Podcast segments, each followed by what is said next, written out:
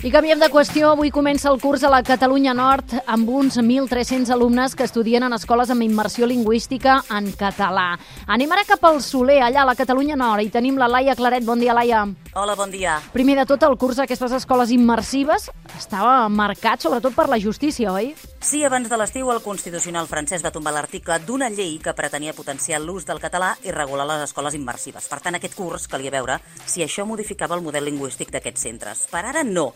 Ho explica la directora d'una de les dues escoles públiques, Arrels, Helena Gual. Ens han assegurat que a l'entrada 2021 no tindríem cap problema. Però, en canvi, de cara a l'entrada 2022, estem amb negociacions per veure quin serà el resultat de tot. No ho sabem encara. Aquestes trobades entre diversos sectors educatius, lingüístics i polítics començaran les pròximes setmanes.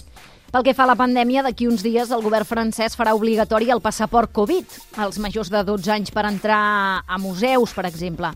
Això, Laia, condiciona les excursions de les escoles. Sí, perquè què passa si l'escola vol fer una sortida a un lloc on es necessita passaport? Què fas amb els alumnes no vacunats? I fins i tot has de saber-ho com a escola, qui s'ha vacunat o qui no.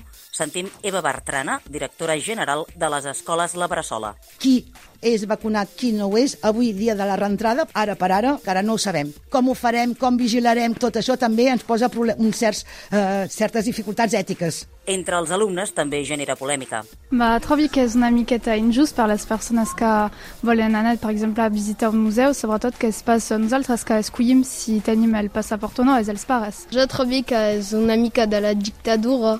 No es podem rentrar on volem, si no tenim aquest pas... D'un costat sí, perquè eh, si volem avançar eh, bé, hem de fer-ho. Pel que fa a la resta de mesures a la Catalunya Nord, els alumnes han de portar mascareta a partir dels 6 anys i s'amplien els grups bombolla que aquest any seran per cursos.